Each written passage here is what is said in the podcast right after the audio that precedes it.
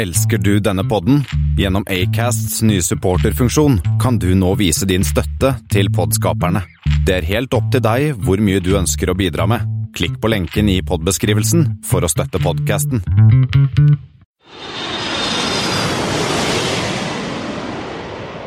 Hei, og velkommen om bord på flypoddens uh, flight 11, som denne gangen både svinger innom London og Madrid og Bergen. Vi er, altså, vi er all over the place. Det har blitt uh, den 18. april. Og Som vanlig så sitter jo da Christian Kamhaug og Thomas Lone. eh, med mikrofonene og skal nerde litt til neste ja, halvtime, tre kvarter. Vi, prøv, vi, vi har prøvd å holde oss ned til en halvtime, men vi får det ikke til. Så altså dere som ønsker han en, kort pod, jeg tror ikke vi får det til. Nei, det, det, er rett og slett for vanskelig. Det er noe vi sliter med, så folk får bare leve med det. Hvis du setter av 30 minutter i uka di på å høre på Flypodden, så får du rett og slett cherrypicke de eh, emnene som er mest relevante for deg. Vi skal gjøre vårt beste, i hvert fall. Og vi har vært ute eller, Har du fløyet nå, Thomas, denne uken her? Nei, du, det har vært en uh, veldig rolig uke. En sånn kontoruke, så det er faktisk i dag nøyaktig en uke siden sist tur. Men jeg tar det igjen neste uke, da det blir eh, sammenhengende flyvning fra mandag til onsdag. Ok. Eh, da blir det mm, både Førde og Bergen og Tromsø og bilkjøring til Midt-Troms og hjem igjen. Så det, det, blir en skikkelig rundreise. Så vi får se om vi har noe spennende å melde i neste pod. Eh, det skal jo nevnes at jeg skal jo fly fra Bergen til Tromsø direkte på tirsdag. Og det blir jo en spesiell dag. Ja, for det er jo ikke med hvilket som helst fly, er det det? Nei, det er jo det første Embrar E190 E2-flyet til Widerøe, som skal tas da fra Bergen til uh, Tromsø. Spennende, vi gleder oss til å høre. Og du da, Christian, har du uh, Du har vel hatt en tur til Sverige, har du ikke det? Jo da, jeg har jo det. Um, sist vi snakket, så var jeg jo i Helsinki, og fløy jo hjem igjen med en CRJ 900 da også, og det var litt rart. jeg jeg tok faktisk et tidlig morgenfly fra Helsinki, så jeg landet i Oslo sånn i åttetiden. Og det var litt spesielt. Det har jeg lenge siden jeg gjort, tror jeg. Ja, riktig. Det, du lander da du pleier å dra, egentlig. Ja, så det var kjempe, kjemperart. Veldig mystisk. Og så har jeg da vært i, i går. I dag kom jeg hjem fra Stockholm. En liten tur på, bort, hos, bort hos mor i Stockholm og hadde noen møter med noen leverandører og litt sånn. Og så blir det faktisk en tur til Amsterdam på søndag til mandag. Så jeg får fløyet litt mer en uke her. Ja, riktig. Er det jobb, eller er det bare fritid? Da? Nei, det er jobb, faktisk. Vi har et lite seminar som jeg arrangerer i Amsterdam for noen kollegaer på mandag. For å få mest mulig av tida, så drar jeg ned på søndagen. Så får jeg liksom Kan jeg starte fra, fra tidlig.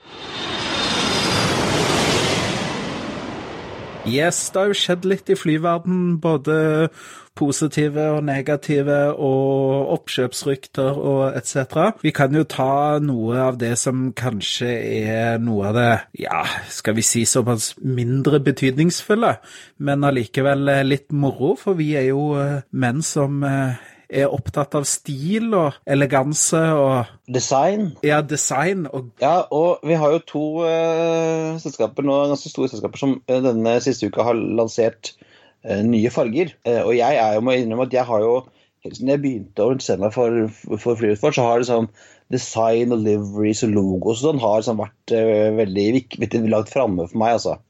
Um, så jeg, alltid, jeg har, pleier å følge godt med på hva som skjer på på nye design, sånn det kommer nye farger og nye logoer og sånn. sånn. Um, og nå er det jo to Gulf Air lanserte for et par, ja, nesten, tror jeg, to uker siden, ja. en, en, justering av fargeskjemaet sitt. Vi legger ut bilder på flyboden, selvfølgelig. og det, de har jo, um, Siste nå har jo vært veld, det vært veldig mye gull. Ekstremt mye gull. De liker mye gull i Midtøsten. Det er jo det, og jeg syns jo at jeg synes jo den, den eksisterende fargeskjemaet er ganske stilig med den, den gull fargede sånn nesa. Motsatt til den røde nesa som vi har her, her på Bergen, så har de en gullnese nede i eh, Bahrain. Eh, men den, nå, den, skal nå forsvinne og bli erstattet av eh, Gulf Air i store blå bokstaver og gull på motoren selvfølgelig, og gull på halen. Hvor en eh, liksom, justert versjon av den ørnen Eller er kanskje en hauk de har? Ja, det er nok, det er nok haukerne. De, falk, falk, falk, falk. Ja, ja. Eh, og så har vi, hvis vi er inne på dyr og, og og sånn, så har vi også Pakistan International Airlines, PIA, har igjen justert flaggerskjemaet sitt. De gjør jo det sånn oftere enn du kjøper ny dress, Thomas. Ja, det, det stemmer. Um, og nå har de da uh, valgt å ta bort disse, altså disse strekene og sånn som de har hatt, å kjøre en, en sånn um, en sånn skrugeit er det vel som de har på halen, som er et sånn spesielt dyr uh, i Pakistan. Og så kjører de PIA, store blå bokstaver, på fordelen av flykroppen, og så har de et eller annet, av en eller annen grunn slengt på et et pakistansk flagg som vaier litt foran, som ser ut som en elefant, som litt på avstand.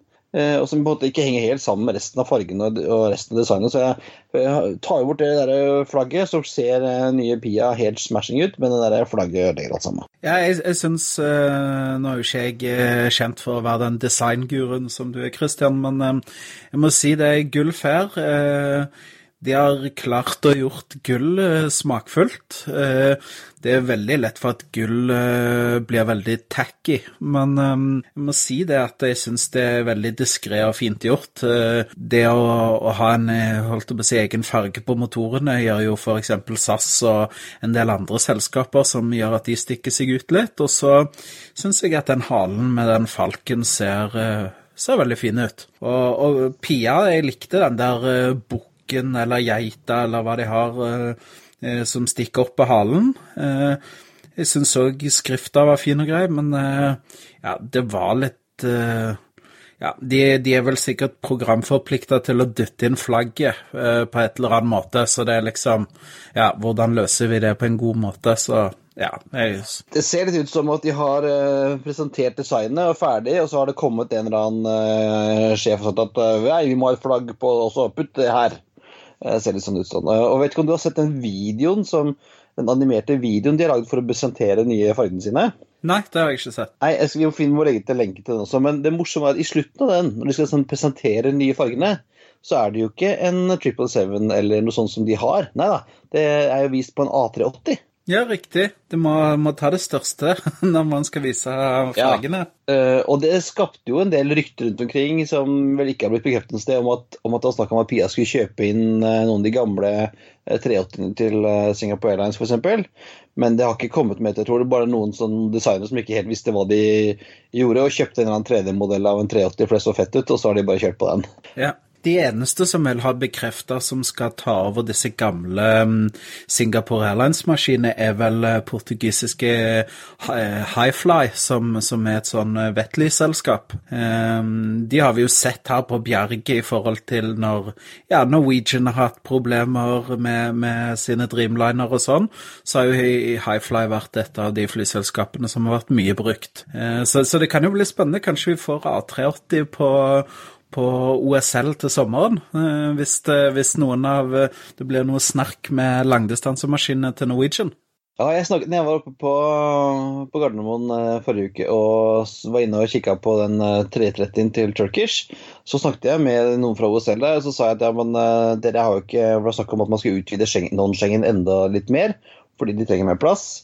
Og så sa jeg, men har dere, sånn, dere har ikke lagd noe for 380? Så nei, det trodde han ikke de kom til å gjøre heller, for de hadde ikke noe stor de, treng, de, trodde ikke noe særlig på at det kom 380 til Oslo fast.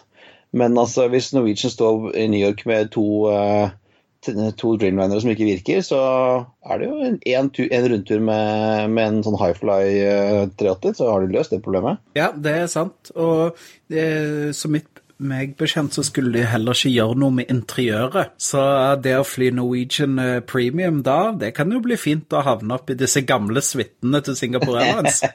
ja, jeg så at de skulle fortsette å kjøre under den, og jeg, skjønner jo at de, ja, de har jo fått et veldig fint interiør, så hvorfor driver de ut? Men uh, det var jo også snakk om at de skal bruke disse 380-ene på hajj-flyvning. Da det, handler det om å gjøre å dytte så mange folk om, bord som mulig. Uh, og det har vel snakk, vært snakk om å eventuelt å sette inn en sånn 800 seters uh, variant også, men ordentlig high density. Enten til på Hajj eller altså, Oslo-Malaga på sommeren. Liksom. Det sikkert fylle den. Det, det, er sant. Det var vel eh, Transaero som ikke tok De gikk jo konken, vel, og tok jo ikke De hadde jo bestilt A30.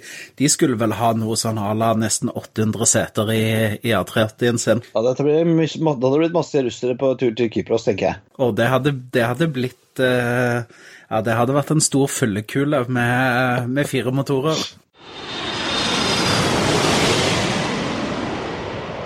Yes. Eh, Men litt mindre maskiner skal jo ut og fly også, Thomas. Du nevnte jo eh, E2 i stad. Yes. Og videre har jo nå lagt ut her at de skal fly eh, charter for Tyrkia-reiser kommende sesong, altså nå til sommeren. Det blir hver lørdag fra 30. juni til 6. oktober, så det er jo på en måte ikke den største operasjonen. Eh, Men sånn som jeg forsto det, av det som jeg leste på videre, så er dette òg altså en eh, litt sånn proof of concept i forhold til eh, hvordan flyet gjør seg på disse litt lengre charteravgangene. Og det er jo klart, eh, man skal jo fly fra eh, Bergen til eh, Antalya eh, og tilbake, så det blir jo en lang tur. Eh, Stikker av gårde fra Bergen i tolvtiden på lørdagen og er tilbake hvis alt går etter planen, sånn cirka klokken eh, 22, ja, cirka halv elleve da, på kvelden. Eh, Og det er jo bare én times eh, turnaround nede i Antalya, så ting skal klaffe godt der, altså. Ja, ja, men det blir en en god tur det der i 29 tommers pitch. Ja, det blir det. Jeg hørte noen rykter også om at videre de laster all cateringen sin i Bergen for å få kortest mulig turnaround time eh, nede på Antalya. Eh, og da laster de den nede i cargo-holden, og så har de sånne spesielle eh, prosedyrer da, for å heise opp disse cargotrollene inn fra cargoen og opp i, eh, opp i um, gallien. Så de, de gjør litt sånn smarte ting som jeg eh, lar meg imponere over, så det blir spennende å se eh, om denne proof of concepten eh, blir bra. Spennende. Terrain, terrain. Pull up, pull up. Det er jo noe flere rykter som går. Eh, Det virker jo som disse cargoselskapene de kan liksom ikke få nok av det å fly til Gardermoen. Eh, eneste utfordringen er at de, det er litt vanskelig å fylle cargoen i, inn til Gardermoen. Ut fra Gardermoen så er det jo ekstremt lett. Da er det jo bare å fylle opp med så mye laks at det stikker laks ut uh, cockpit-vinduene, holdt jeg på å si. Um, men eh, på vei inn til Gardermoen så, så er det litt tyngre. Eh, og da En av ryktene da er jo det at Saudi da, Saudi Cargo, eh, kommer til da å fly eh, via Oslo på vei til, eh, til New York. Så de skal plukke opp fisk i Oslo som skal fly til New York? Det de sier at de ønsker da å eh, Siden det er lite import inn til Oslo, så, eh, så tar de da gods last fra Saudi-Arabia og Sentral-Europa til New York. Eh, Så ja, det er på en måte det som Da har de gods med seg allerede, og så bruker de resten av kapasiteten da på å fylle opp til sjømat som går til New York. Det det, det, dette må vi, må vi snakke med våre venner på Gardermoen om når vi skal opp dit og kjøre en sånn cargo-spesial ute i mai. Ja, det må vi gjøre. Eh, For vi hører jo at liksom all sjømaten går til, eh, til Asia, men eh, tydeligvis er det litt eh, sjømat som kanskje finner veien til USA også. Ja, så mye av det SAS har jo også hatt mye fisk eh, på sine New York-fly, og nå hører jeg også at Norwegian har jo også satset på, på cargo etter at de fikk eh, Dreamlinerne. Og vi har jo snakket om Norwegian On Air-podden eh, tidligere, og de hadde nå en cargo spesial. eh, som jeg anbefaler å ta en liten eh, lytt på, for der snakket de om hvordan de også jobber med, med cargo også, og hvor de, de kan fly eh, kongekrabbe fra Nord-Norge via Oslo til New York og være på, på, liksom på restaurantbordet i Manhattan etter bare ganske få timer etter at den ble dratt opp av sjøen. Spennende. Ja, og så blir det litt spennende å se hvilke maskiner de da eventuelt kommer med, fordi at de har um, to Boeing 747-8-er uh, i cargo-versjon. Uh, de har fire 777, eh, og så har de elleve eh, litt eldre 747-400-er. Så det kan jo bli en eh, fin, fin tid for spotterne på Gardermoen hvis de roterer litt på disse flymaskinene, da.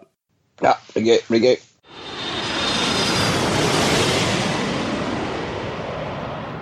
Noe fullt eh, ikke så hyggelig som nye ruter. Det var jo dette som eh, skjedde i eh, USA her uh, i går. Uh, vi sier jo det at vi er jo ikke en sånn breaking news-nyheter og sånn, men uh, vi, vi, måtte jo diskutere eller snakke litt om Southwest sin maskin, der det på 38 000 fot bare motor går til helvete, og da er det ikke noe hyggelig å sitte i flyet, er det vel, Christian? Uh, nei, og jeg har sett uh, en del bilder som folk har tatt uh, både i lufta og på bakken av, av hvordan, det, hvordan, det, så ut. Og det, det, ser, jo, det ser jo fælt ut. Altså Hele sånn fremre delen av motoren er borte, motordekselen er borte. Altså, det har tydeligvis sprutet deler inn og tatt ut ene vinduet, som har gjort at en passasjer har fått det står her at de var redd hun skulle bli sugd ut av vinduet, men altså et, Har du, sett et, et 737-vindu, tror jeg ikke det, det, skal være en ganske liten dame som klarer å bli sugd ut av dette vinduet. Men uh, tydelig at hun har vært, ut, vært ut, med hodet ut, uh, deler av skulderen også ut, og fått, fikk en såpass alvorlig skade at hun dessverre uh, døde på sykehus når hun ble kommet tilbake igjen. Ganske dramatiske bilder vi har sett fra denne hendelsen. da. Eh, og det, altså det ble dratt ut av Få hodet ut eh, i 32 000 fot, for det er 40 minusgrader fra før av. Og, og liksom du får 900 km i timen i eh, luft mot deg, det, det kan jo ikke være sunt. Det er en del effektive minusgrader, for å si det sånn. Ja, det er det. Så um, det, Men, men det, det, det, skal ikke være mulig å bli sugd ut av et flyvindu, Thomas. Nei, riktig. Og er det noen som har prøvd dette? Eh, ja, for det, det, jeg tror den her, den her, tanken om at det, er, mulig å bli sugd ut av et flyvindu, den tror jeg stammer fra Goldfinger, uh, James Bond-filmen. Har du sett den, Thomas? Ja, det har jeg. Ja, hvor uh, Goldfinger skyter ut et vindu, han flyr ut av vinduet, og han, han svære, feite mannen bare ut av vinduet. Det er jo ikke fysisk mulig. Nei. det er noen og, sånne myter som er utrolig seiglive, altså. Ja, Eh, og mine favorittgærninger på TV, Mythbusters, har jo selvfølgelig testa eh, om det går an, og de, deres konklusjon var at nei, det går ikke.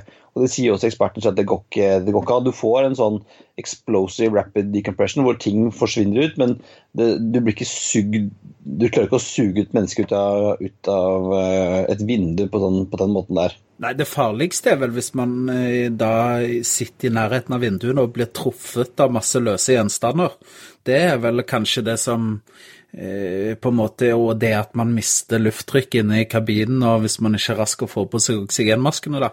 Men eh, det er vel kanskje der som er den største risikoen. Ja, også det, altså det å få hodet ut, uh, som hun tydeligvis har fått, da, uh, er jo ganske, uh, ganske heavy greier. Det både er kaldt, og det er vind, og det er uh, ting som flyr rundt omkring. og det er jo det er ikke første gang at folk har, har blitt sugd ut av et vindu. det er det jo ikke. Nei, det, eh, det, var jo i, På 90-tallet, så var det, eller helt til starten, var vel 1990, så var det vel en kaptein på en BA, en sånn BAC 111, som der et av vinduene i cockpit bare knuste. Og kapteinen, han bare for ut vinduet men eh, resten av crewet klarte faktisk å holde han fast, og de landa trygt. Eh, de trodde jo at han var død eh, når de landa, men han overlevde. Hadde alvorlige frostskader og sånn. Nå skjedde ikke dette på like stor høyde, jeg tror dette var på en sånn 17 000-18 000 fot.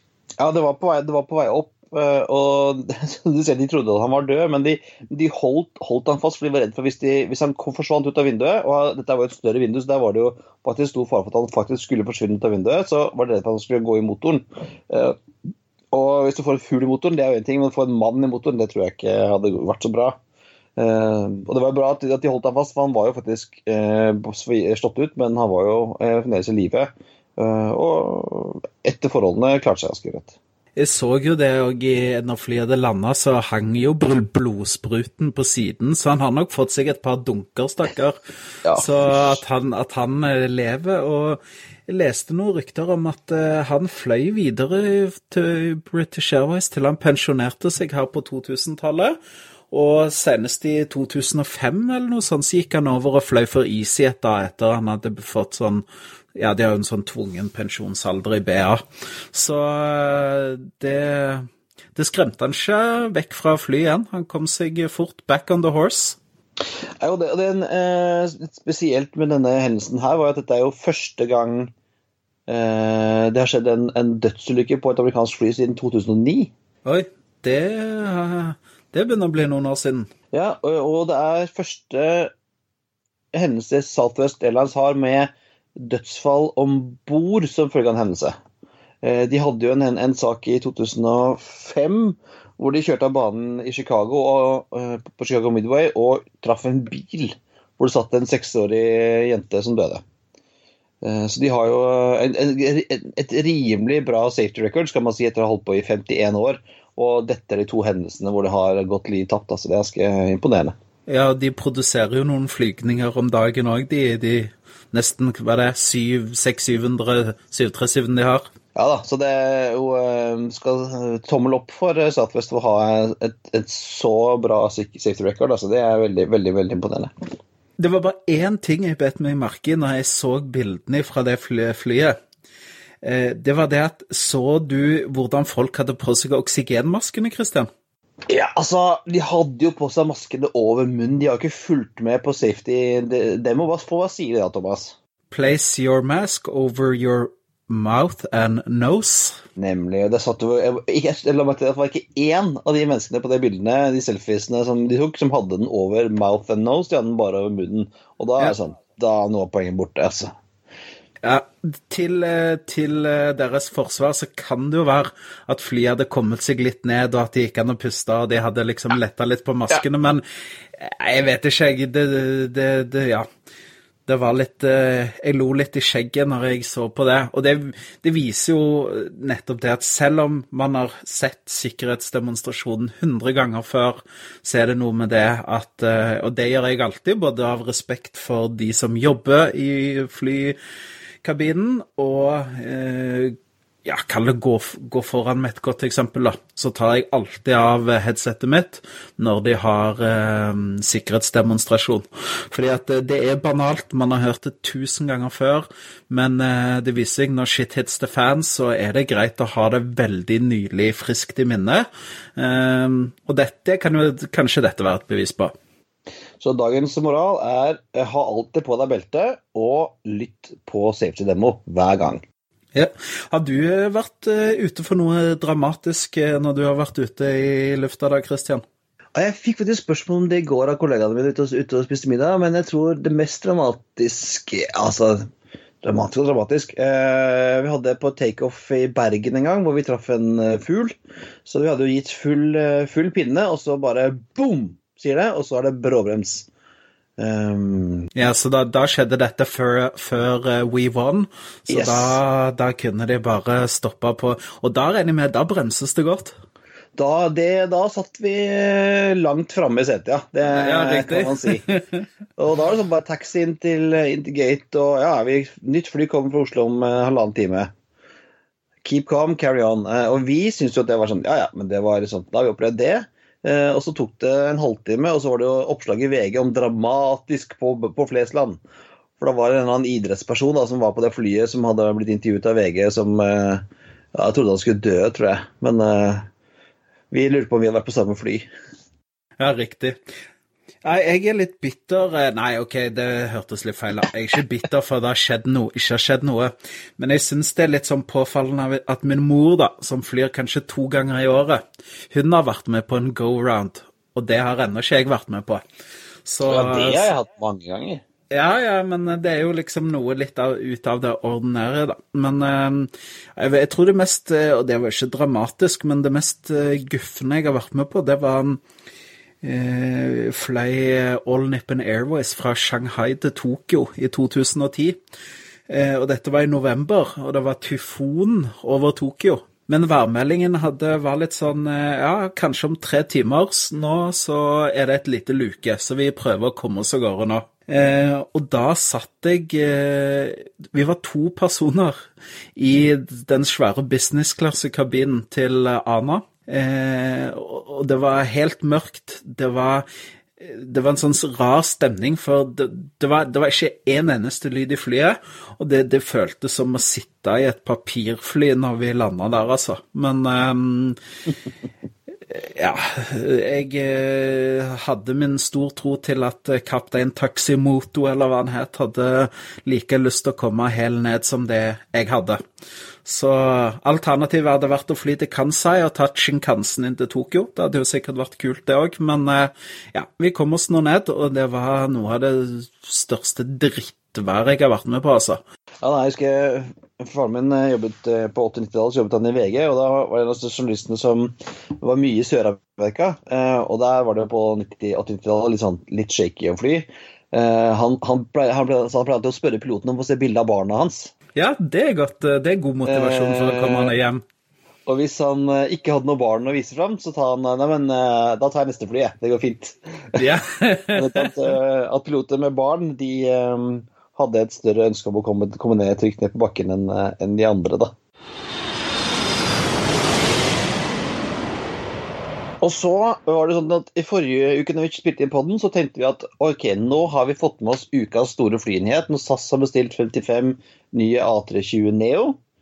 Eh, og så tenkte vi, ja, men Da har vi fått den store nyheten for denne uka. Og så detter inn noen meldinger mens jeg var i Helsinki om at nei da, den store nyheten denne uka er jo ikke det. Den er jo at International Airlines Group, som er eierselskapet til uh, British Airways, uh, Iberia, Vueling og Lingus, hadde gått inn og kjøpt 4,6% av Norwegian og sa at de kom til å legge inn et bud på hele butikken.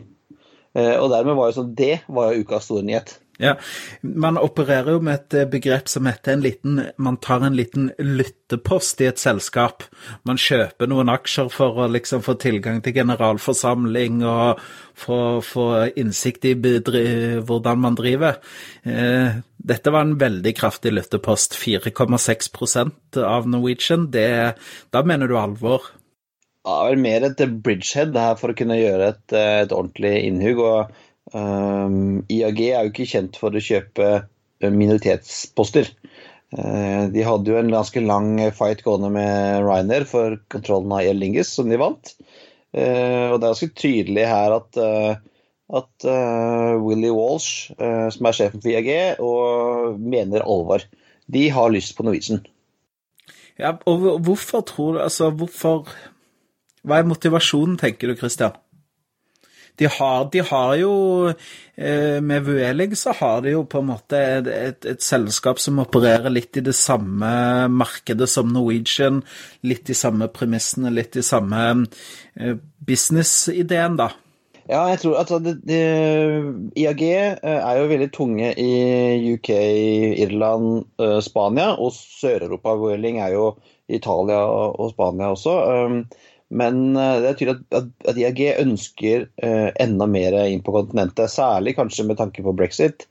Uh, og at, at, Norwegian har vist at det går an ja, Det koster, men det går an å drive long cost long haul. Og Level, som er IAGs low cost long haul-selskap, ble startet i, i Barcelona nettopp for å krige med Norwegian. Eh, og lære litt om hvordan det markedet fungerer. Så jeg tror at det passer, jeg, Jo mer jeg har tenkt på det, jo mer jeg har sett på det, jo mer ser jeg at, at Norwegian og IAG passer veldig godt sammen. Er, altså, hvis, du skal ha en, hvis, hvis Norwegian skal ha en ny eier, så er, det finnes det ingen annen bedre, tror jeg, enn en IAG. Nei, og De er jo kjent også for å på en måte holde selskapene som separate entiteter. Altså BA, Iberia, Erlingus og Vøling, alle her er jo ganske sånn separate selskaper. Um, det var noen som mente at ja, da blir flybilletten i Norge dyrere og masse sånne greier. Jeg vet ikke hvor um, begrunna den uh, bekymringen er. fordi at jeg, jeg, tror at dersom IAG kjøper opp Norwegian, så vil de jo selvfølgelig sette en del av sine folk inn i selskap og sånn, men jeg tror nok kanskje det at Norwegian blir drevet videre som den butikken de fortsatt er. Ja, jeg, jeg, jeg er faktisk litt usikker på hvordan, eh, hvordan de har tenkt det. Eh, for at den passer jo veldig godt å eh, Hvis du ser på Whalings både forretningsmodell og, og altså rutenett, så hadde, hadde, det passet veldig godt å merge de der, den med Norwegian, egentlig.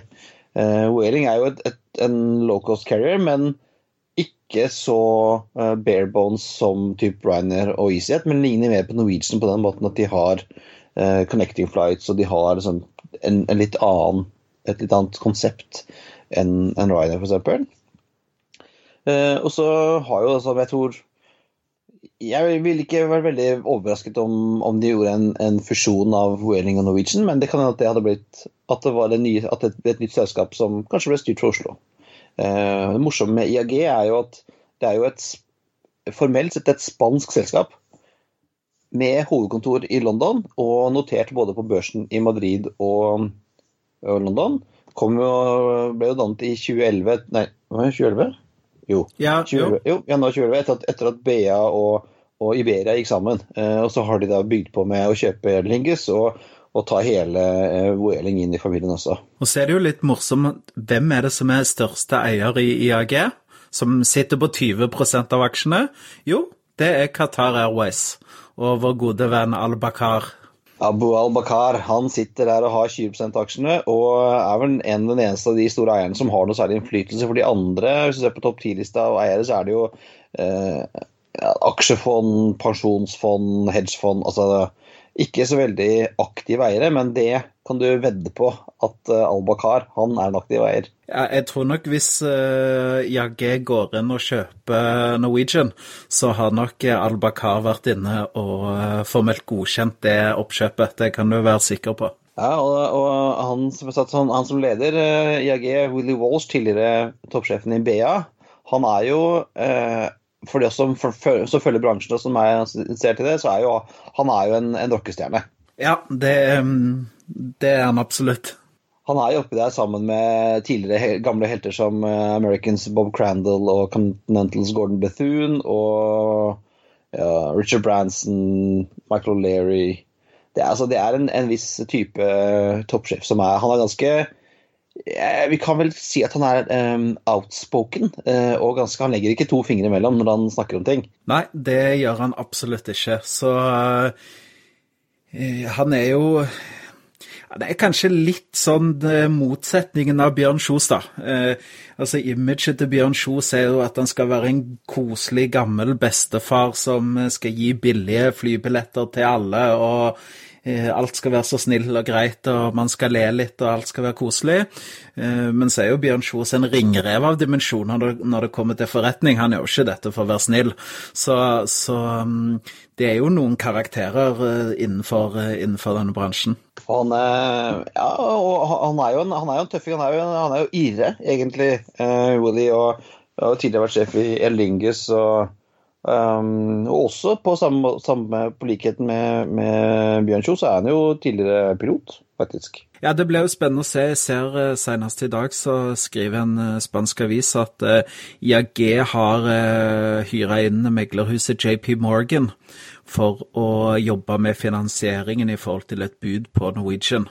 Det er jo et rykte, da. Det er jo ingenting som er bekrefta, men um, de mener også at IAG totalt vil betale kanskje en eh, rundt ca. 42 milliarder norske kroner for eh, Norwegian, og der de priser egenkapitalen til Norwegian til en 14,4 eh, milliarder. Ja, det blir vel en sånn 450 kroner aksjen eller noe sånt. I dag på, har den passert 300 og har gått rimelig ja, nesten ja, vel gått 70% siden nyheten sprakk. Så det er jo mange den der ute nå som som sitter og, og, håper på at et formelt bud. Ja, Samtidig så er det jo veldig mange som har tapt penger på, på, på, denne Norwegian-oppturen.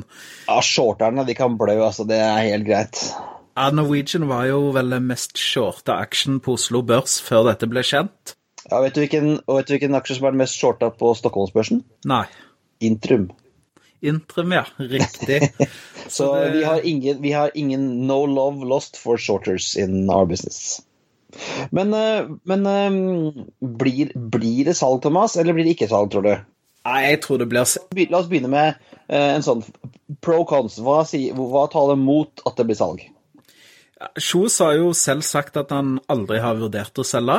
Han vil ikke selge, han syns det er altfor billig.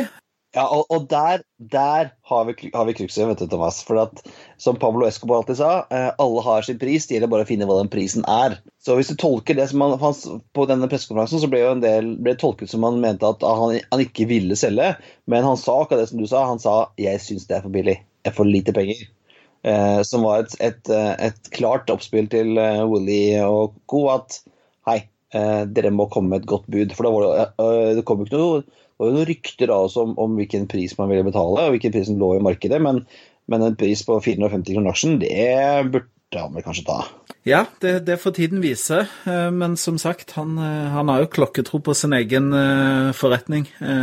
Han mener jo at det ligger store verdier både i flyselskapet, i alle de ordrene, i Norwegian Reward, i eierposisjonen i banken. Altså, han mener at det ligger så mye verdier i selskapet der at ja, får han, en god han er nødt til å få en god pris, da, da, tror jeg han selger. Så får han noe som han er fornøyd med, så skal du ikke se bort ifra at Norwegian går ut av, av Norge, eller ut fra norske hender, da, på eiersiden.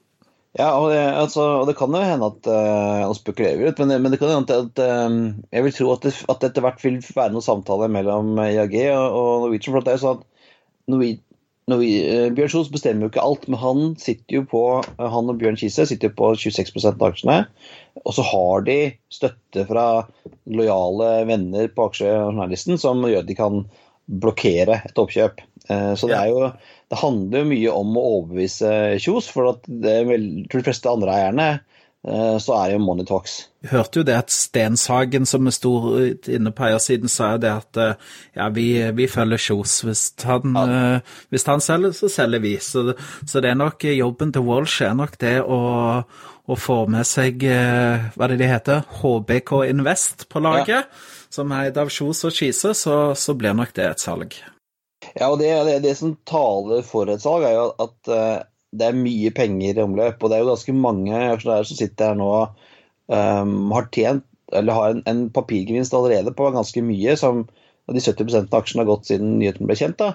Um, og hvis dette, denne dealen faller sammen fordi at Bjørn Kjos ikke vil selge uh, til noen, så blir det ganske ødeleggende for aksjen. For da sitter du der med et selskap som i dag ikke tjener penger, som har en masse gjeld, og det ikke finnes noen oppsider, for det finnes ingen exit-mulighet. Eh, og det er det aksjonærer gjerne vil. De, vil, jo, de har jo aksjer ikke fordi de syns det er gøy å eie aksjer, men fordi det er en plassering som de har lyst til å eh, skape penger av etter hvert. Eh, og hvis det ikke er noen mulighet for å få solgt aksjene, så er det jo ingen som vil gidde å kjøpe de. Men nei, det er helt riktig. Så da blir jo den eneste Hvis Cho sier nei, så blir jo den eneste på en måte muligheten for disse aksjonærene å få igjen noe for investeringen, er jo det at eh, Norwegian klarer å snu driften kraftig, eh, generere utbytte, og kanskje da på lang, lang sikt hente igjen aksjekurs og ja, den type ting. Så jeg, jeg, jeg, tror nok det er riktig som du sier, det er nok mange aksjonærer som har kommet inn både seint og tidlig i Norwegian noen håper at de kan uh, vinne igjen det tapte, og andre håper på en større gevinst. Eh, så jeg, jeg, jeg, tror det at eh, det ligger såpass sterke signaler der at, at får man en god pris, så, så blir det salg. Der, der, er, der, er, jeg veldig enig. Jeg tror også jeg tror IAG er en superbra match for Norwegian, både med tanke på på rutenett og hvordan selskapet drives og kultur. For at uh, hvem andre skulle kjøpe? Nå har jo Robin Kamark, tidligere SAS-direktør, nå sjef for Etihad Investments, så at de vil ikke kjøpe. Uh, de har brent seg nok på europeiske oppkjøp. Um, Lufthansa de har nok med sine egne ting. De har Eurowings som de kan bygge til kjempestort. Jeg tror, jeg tror Air France KLM vil nok uh, kunne ha god nytte av en aktør som Norwegian, men jeg tror at kulturforskjellen mellom Paris, eh, Amsterdam og Oslo ville vært helt eh, enorm. Jeg har hørt ganske mye eh, om, om krasjen mellom Air France og KLM, og jeg tror, ikke, jeg tror ikke det hadde gått i det hele tatt. Altså. IAG tror jeg er, en, en, gruppe som Norwegian kan, kan, kan føle seg godt hjemme i. Som de sier i Flåklypa, time will show. Og så følger vi dette her videre. Eh, om ikke minutt for minutt, så følger vi det i hvert fall uke for uke. Så men, Thomas, skal vi bare konkludere på hva vi tror om eh, IAGs eh, oppkjøp av Norwegian? Jeg sier salg. Ja, jeg sier salg. Da, da kan vi konkludere med at Flypodden vi tror at Norwegian blir solgt, så lenge prisen er riktig.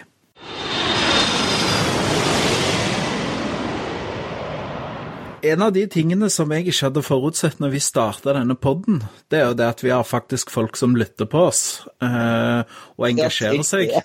Ja, og sender inn masse spørsmål. Eh, jeg trodde jo at denne e-postadressen vår, halloalfakrøllflypodden.no, kom til å bare bli eh, fulgt opp av eh, meldinger fra Twitter, men det stemmer jo ikke. Vi får faktisk ganske mange kommentarer og spørsmål fra lyttere. Og du kan ta et par av disse, Christian. Ja, vi har fått et spørsmål her fra en som bor i Spania, i nærheten av AGP, det er Malaga, det. Eh, og han har observert, mener han, at uh, Boeing-fly er raskere inn med hjulene enn Airbus-fly. Uh, og han spør om vet vi om hvorfor dette. Og så spør han også han undret seg over hvorfor nesehjulet alltid foldes fremover og inn i hjulbrønnen på, de fleste fly. det virker som det er ulogisk både med tanke på fartsretning og mot tyngdekraft. Siden det vil ikke være mer økonomisk, energiøkonomisk å folde nesehjulet bakover og inn i brønnen. Uh, dette er såpass tekniske ting at det kan ikke jeg svare på, Thomas. Jeg er en skarve økonom. Ja, og uh, ikke jeg heller, så vi måtte Vi fikk videreformidla det, og du fikk du noe fornuftig svar, Christian? Jeg fikk et svar fra kaptein eh, Rolf Liland, som flyr 77 for SAS. og han svarer at understellet senkes og heves normalt ved hjelp av hydraulikk, men hvis røysystemet svikter, blir det med en kombinasjon av tyngdekraften og airloads. Så for nesehjulets del vil man trekke et håndtak. Trekke i et håndtak ja. Uh, og det løsner den mekaniske låsen som holder understellet oppe, og så detter det ned i stilling. Og siden nesehjulet deretter detter nedover mot fartsretningen, er det en fordel at dette detter nedover med vinden enn fremover mot vinden riktig. Så, så, det blir rett og slett det med at eh, ok, man bruker litt ekstra energi på å få det opp, men da er det faktisk lettere å få det ned i tilfelle det skulle være en uh, nødsituasjon at den hydraulikken svikter. Ja, og så sier han at når hjulene skal ned, så skjer det minst 5-6-8 km ute, og kanskje enda lenger ved høyere hastigheter hvis man trenger ekstra drag for å komme ned. Da vil luftmotstanden være enda større, og da har nesehjulet hjelp det delvis freefall eller blåses ned. Skulle det tvinges ned mot vinden, hadde det kostet mer energimessig, da, siden, da hastigheten kanskje er høyere, 100 knop høyere. Uh, så det var nesehjulet. Altså, og når det gjelder med, det med Airbus uh, seinere inn med hjulene enn Boeing, så sier han at uh, det, det, vet han faktisk ikke. Uh, han flyr jo bare 727, men han har, mener at det kan ha noe med at det er mer automatikk i eh, Airbus, og at man som Boeing har mer tillit til mennesker. For når flyverne har bekreftet positive climb rate, så er det bare å dra opp hjulene, sier han. Så jeg tror, han, han tror det kan ha noe med, med at det er mer, mekan, mer, automatikk i Airbus og mer manuelt jobb i, i Boeing-fly. I don't know. Om noen har en bedre forklaring, så tar vi gjerne imot den på hallo at flypodden.no. Det gjør vi. Hadde du noe annet? Uh, ok, men uh, ellers så har jeg ikke noen andre spørsmål som jeg kan komme opp med. Men vi har hatt uh, et par stykker som gjerne vil være med oss hvis vi skal kjøre en livepod. og så har vi fått tips om at vi kanskje burde besøke Fornebu-museet, og det skal vi jo. Ja, du driver jo og organiserer en, en tur ut dit. Ja, så vi må bare finne en dato om ikke så altfor lenge som passer på både oss og museumsbestyrerne. og Da skal vi ut på Fornebu, og der sitt, kan, jeg, kan, vi jo sitte i de samme setene som vi satt i første episode. Landeepisode. Herlig. Herlig. Så det blir det mer av. Men det var vel da alt vi hadde for i dag, Thomas? Det var det, vet du. Eh, gå inn på flypodden.no for å finne lenker til det vi har snakket om i dag. Ikke glem å abonnere på oss i iTunes eh, eller i din podkast-app, og gi oss gjerne en fin rating. Ja, Apropos det, hvordan går det med Spotify? Jo, eh, vi har sendt inn eh, søknad på den nye distributørplattformen som vi bruker. Eh, jeg sjekka her før sending, og da Your application is still under processing. Så vi venter. I mellomtiden finner du oss på Twitter på atflypodden og på facebook.com slash flypodden. Har du tips eller spørsmål, vil du være gjest eller sponse oss, da sender du oss en mail på hallo at flypodden.no. Takk for nå, og velkommen om bord neste uke. We truly appreciate your business and look forward to serving you on a future flight.